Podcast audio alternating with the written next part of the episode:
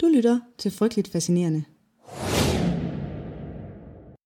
Hej med dig, og tak fordi du lytter med. Måske er det første gang, du er her, og så vil jeg bare lige sige, at det her det er Maria fra fremtiden, der lige tjekker ind. Måske vil du opdage, at lyden her i de første afsnit er lidt dårlig. Al begyndelse er svær. Så hvis du kan lide indholdet, så hæng ved. Det bliver gradvist bedre, og fra afsnit 12-13 stykker, der er det helt op til scratch. Det var bare lige det, jeg ville sige. Hvad tænker du, når du hører ordet elektrochok? Det lyder ikke så rart, vel? Sådan at få elektrisk chok. Måske kender du mest elektrochok fra bøger eller film som Gøgereden, og har nogle billeder i hovedet af et psykiatrisk system, der tvangsbehandler folk med voldsomme stød, så de skriger af smerte og bagefter er en skygge af sig selv. Det er i hvert fald det billede, som mange har gået rundt med, men som også er ved at ændre sig i offentligheden. Velkommen til det her afsnit af Frygteligt Fascinerende, kort fortalt, hvor vi dykker ned i elektrochokbehandling. Frygteligt Fascinerende er et podcast om alt det frygtelige, som alligevel fascinerer os. Her i Kort Fortalt giver jeg en kort intro til noget frygteligt fascinerende fra nær eller fjern historie. Velkommen til.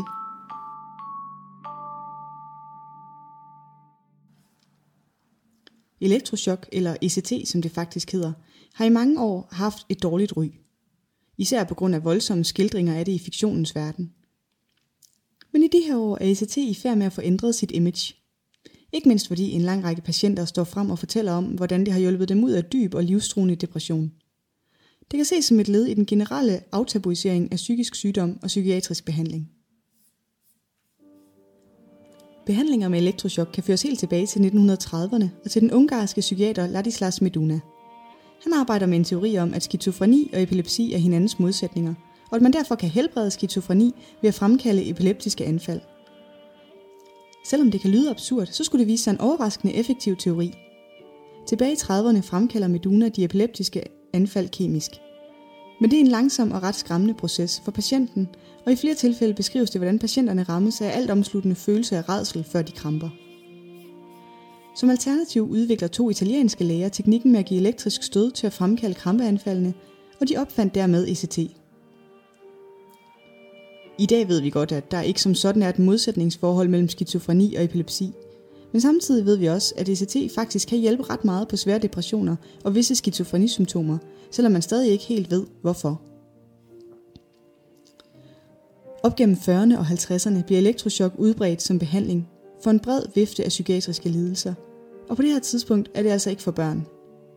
Lægerne udfører behandlingen i sin rene form, uden muskelafslappende midler og bedøvelse – det betyder, at mange patienter oplever voldsomme traumer, fordi de er vågne under behandlingen.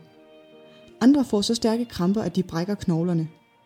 Der er også beretninger om, at behandlingsformen misbruges på de gamle sindssygehospitaler, hvor behandlingsetikken og forståelsen for psykiske lidelser ikke er på det niveau, den er i dag. Og nogle steder bliver chokkene brugt som et trussel og en metode til at holde besværlige patienter under kontrol. Grundprincippet i elektrochok er faktisk fuldstændig det samme i 2019, som det var i 1939. I dag er patienterne bedøvet og får muskelafslappende medicin og ilt, når man behandler med ECT.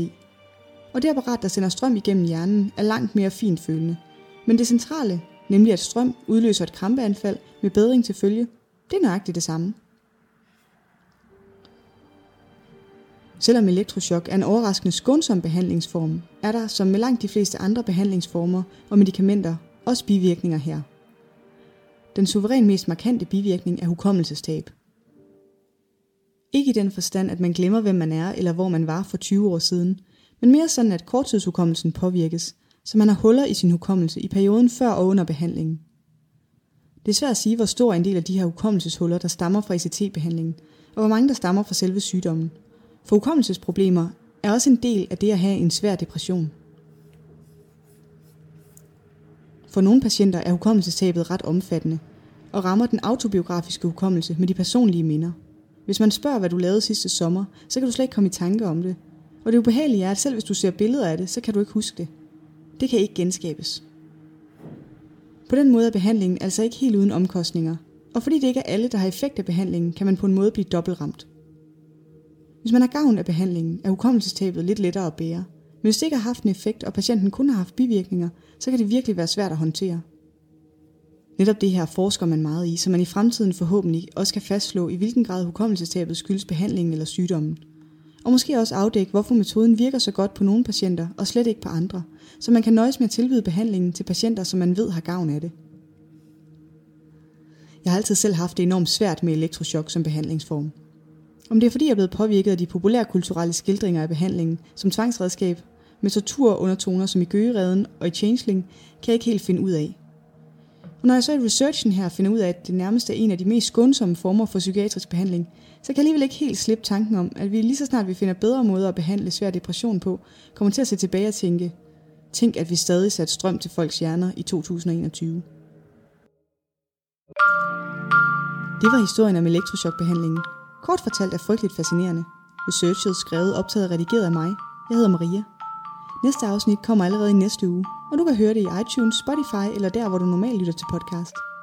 Du kan følge Frygteligt Fascinerende på Instagram, og gør det endelig, hvis du ikke allerede har gjort det. Hvis du kunne lide det, du hørte, så giv endelig podcasten en anmeldelse. Det hjælper andre med at blive frygteligt fascineret. Tak for nu.